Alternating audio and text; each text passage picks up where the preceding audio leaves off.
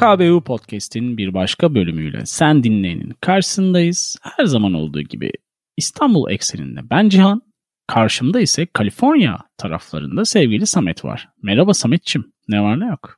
Merhaba Cihan'ım, seni sormalı. Teşekkür ederim. Böyle biraz hani şey olur ya radyo programlarında kısık sesle şiir okurlar böyle aşağıdan da böyle biraz melankolik bir müzik gelir. Öyle bir ses tonuyla sevgili dinleyenin karşısındayız sanki meditasyon içindeydim sen bunu sorarken bir bir anda hazırlıksız yakalandım.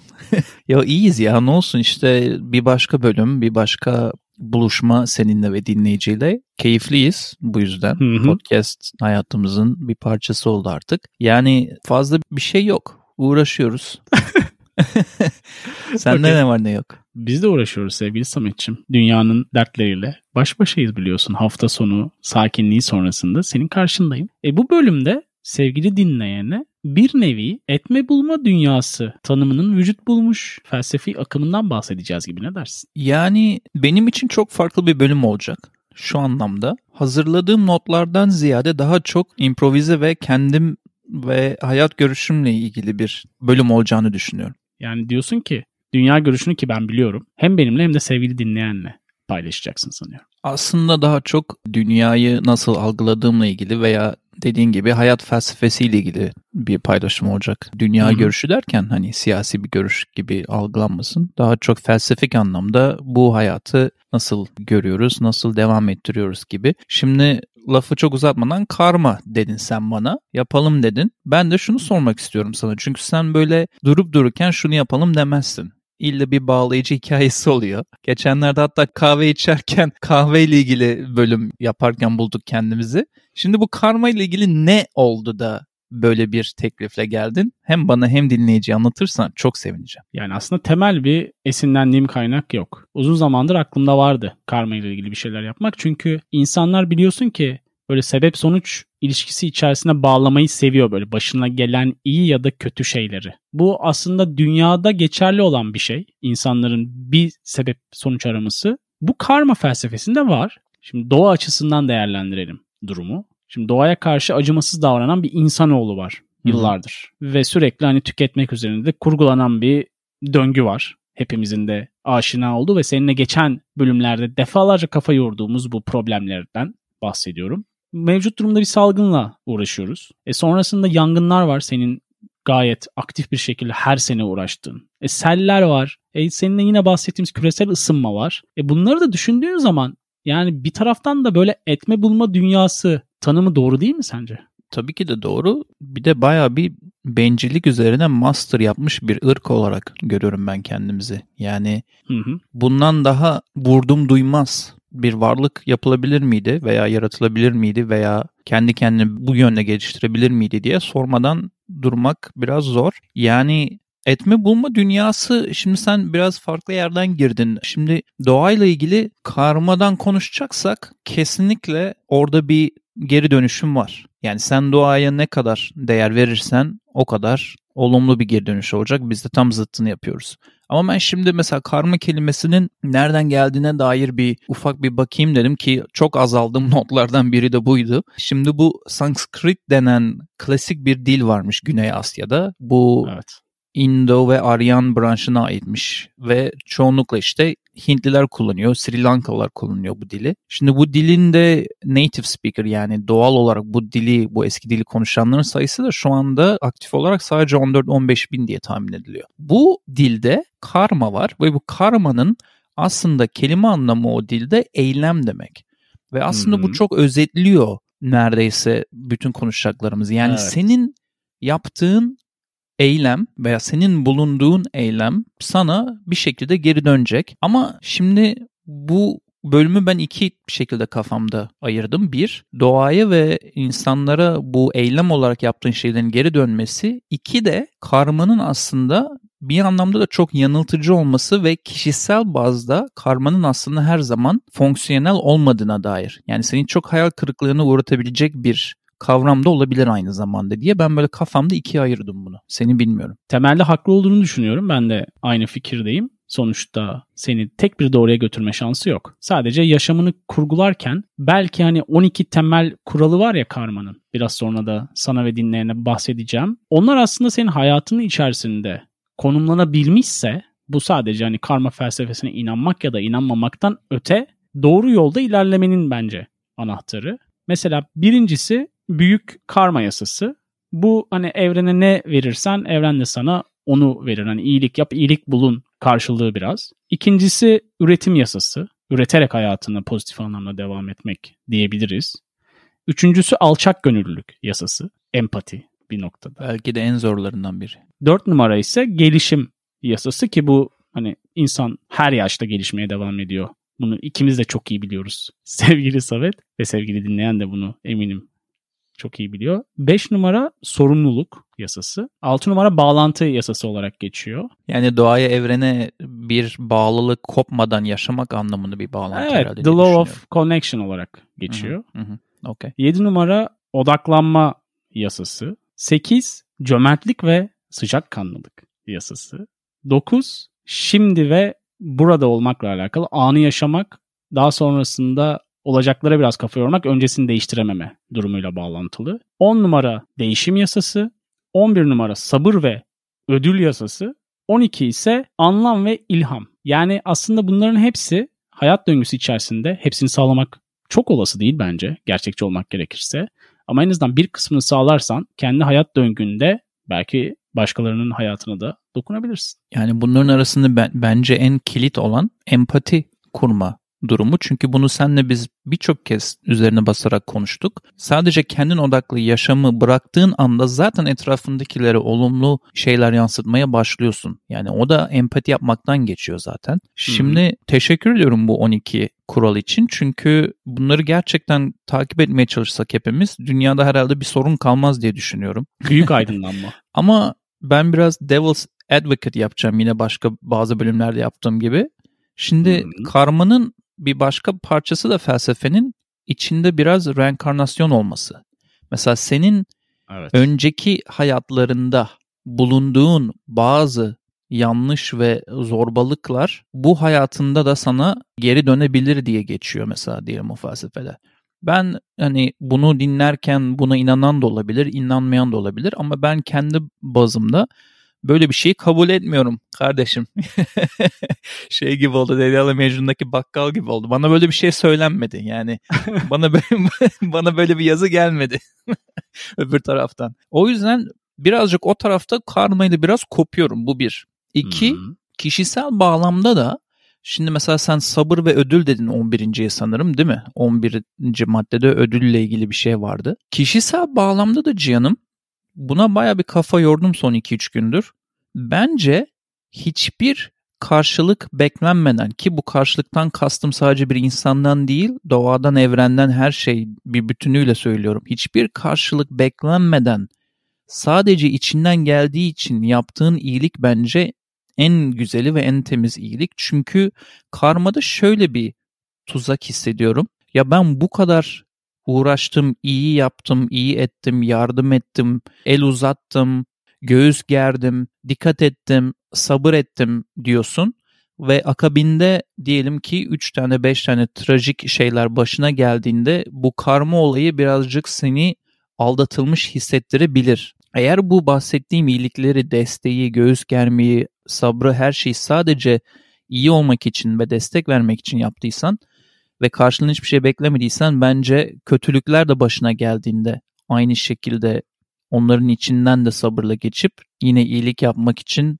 günleri sayabilirsin diye düşünüyorum. O yüzden karma biraz orada kişisel bağlamda tehlikeli gibi geliyor bana. Öyle bir tonda girdin ki hani böyle bazı kanallar olur orada vaazlar falan verirler. Amerika'da da çok popüler olan tarafları vardır ya. Motivational speaker mı? ya kesinlikle motivational speaker olarak karşımızdaydı şu anda. Sanırım bu bölümün devamında ve kalanında da zaten öyle karşında olacağım. O yüzden savurun geliyorum.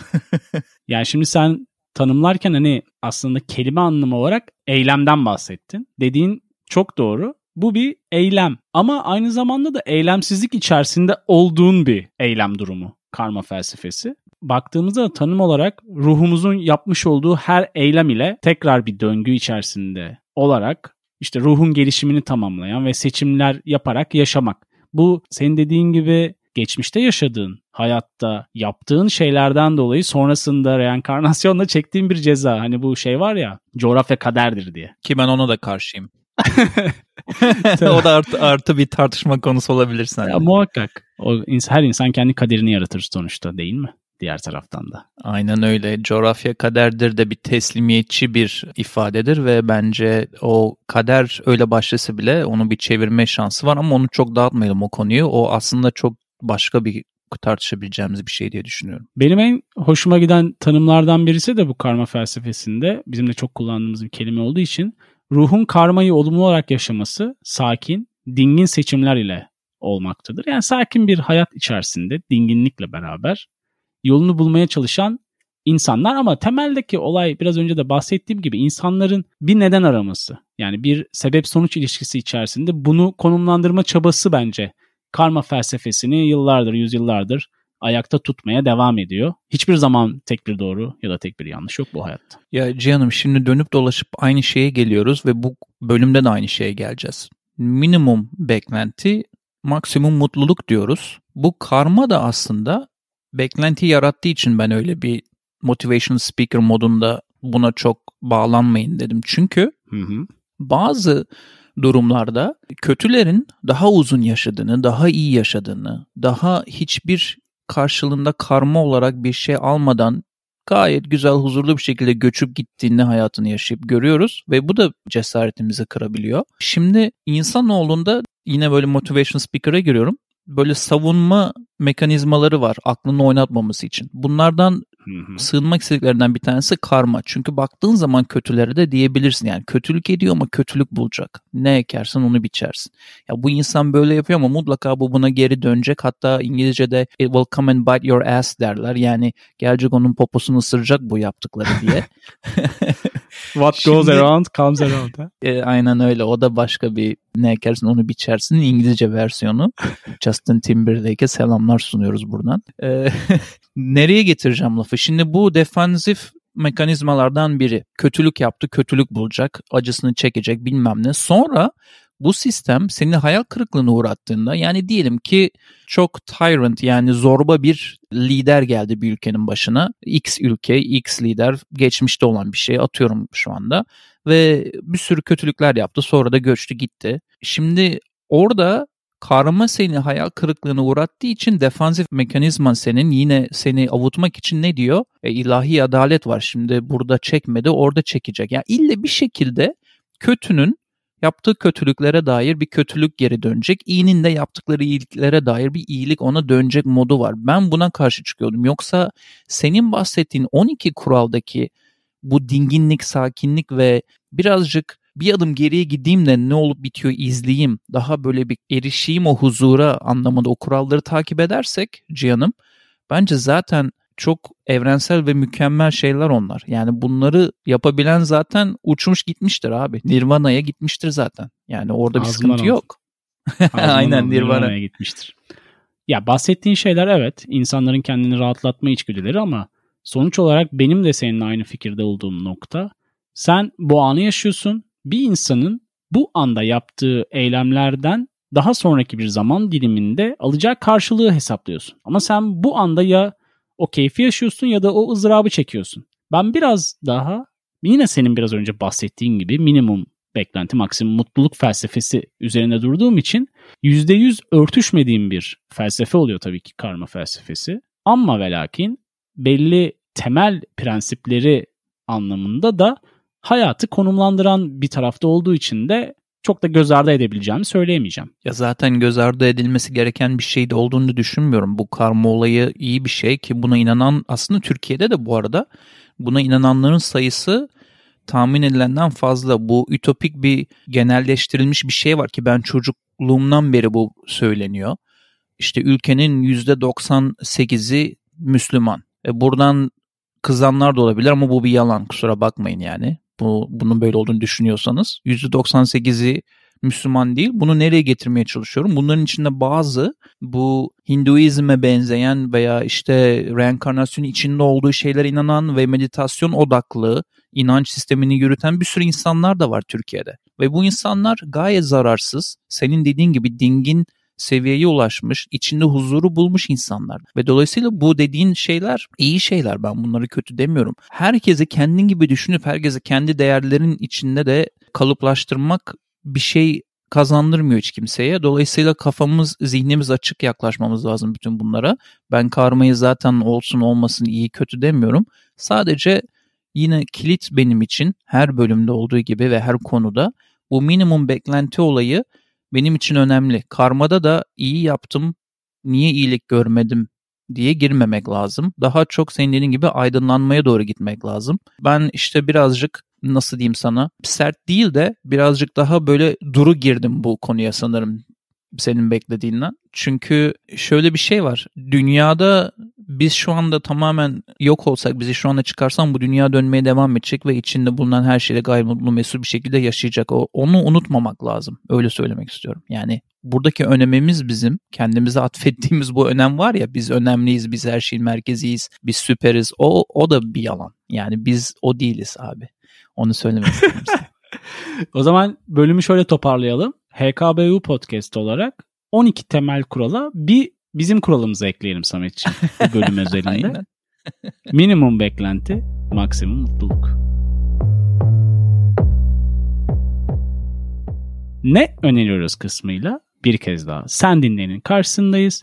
Artık aşina olduğun üzere yüzlerce bölüm sonrasında bu bölümde bazı önerilerle karşınızda olacağız ve adettendir sevgili Samet karşımızda. Sevgili canım bu karma ile ilgili çok alakalı olan bir e, diziyi önermek istiyorum. Şu anda aktif olarak oynamayan ama geçmişte oynadığında izlemiştim ben de. Sanırım Hı-hı. 4 sezonu falan olması lazım. My Name is Earl. Evet. isimli dizi. Tamamen karma üzerine kurulmuş. Çok e, keyif alarak izlediğim bir yapımdı. Burada hatta her açılışta Earl şöyle bir şey derdi. Bütün kötü insanlar neden benim hayatım bu kadar kötü diye söylenip dururdu. Ama yaptıkları tek şey kötülüktü ve ben de bunlardan biriyim. O yüzden şimdi yaptığım bütün hatalar ve kötülükleri telafi etmek için gidip herkesi bulacağım ve onları iyi şeyler yapacağım diyor. Böyle de komik komediyle kahramayı karıştırmış güzel bir diziydi bu. Dolayısıyla planları da çok yolunda gitmiyor tahmin edersin ki o kadar basit değil her şey bu hayatta. Onu önermek istiyorum dizi olarak. Şarkı olarak da HKBO dinlencesine Umay Umay'dan Düşmedim Daha şarkısını eklemek istiyorum ve saygı ve sevgiyle seni dinlemeye geçiyorum canım. Samet'ciğim ben de My Name is aslında yazmıştım. Güzel açıklamanla birlikte bu öneriyi sana yazıyorum tabii ki ve onu es geçiyorum. İkinci pişti. Evet yıllarca izlediğimiz, severek izlediğimiz bir diziydi. Ben iki tane şarkı önereceğim HKBU dinlencesine. YouTube Deezer ve Spotify'da bulunan Birkan Nasuhoğlu ve Elçin Orçun'un Varsa Yoksa isimli şarkısı. Diğeri de The Dalins'in Waiting şarkısı. Bunlar HKBU dinlencesi playlistimizde olacak. Hem bizim için Route 66 için bir altyapı devam ediyor. Sevgili dinleyenin de hakim olduğu gibi. Route 66'e kadar da benim sabah koşuşlarımda ve spor zamanımda da bana eşlik eden bir liste oldu. O bakımdan çok kullanışlı bir liste. Sevgili dinleyene bu zamana kadar bize eşlik ettiği için teşekkür edelim. hkbupodcast.com üzerinden ve sosyal platformlardan her zaman bize ulaşabiliyorlar. Her zaman olduğu gibi. Bir sonraki bölümde tekrar görüşmek üzere diyelim. Hoşçakalın.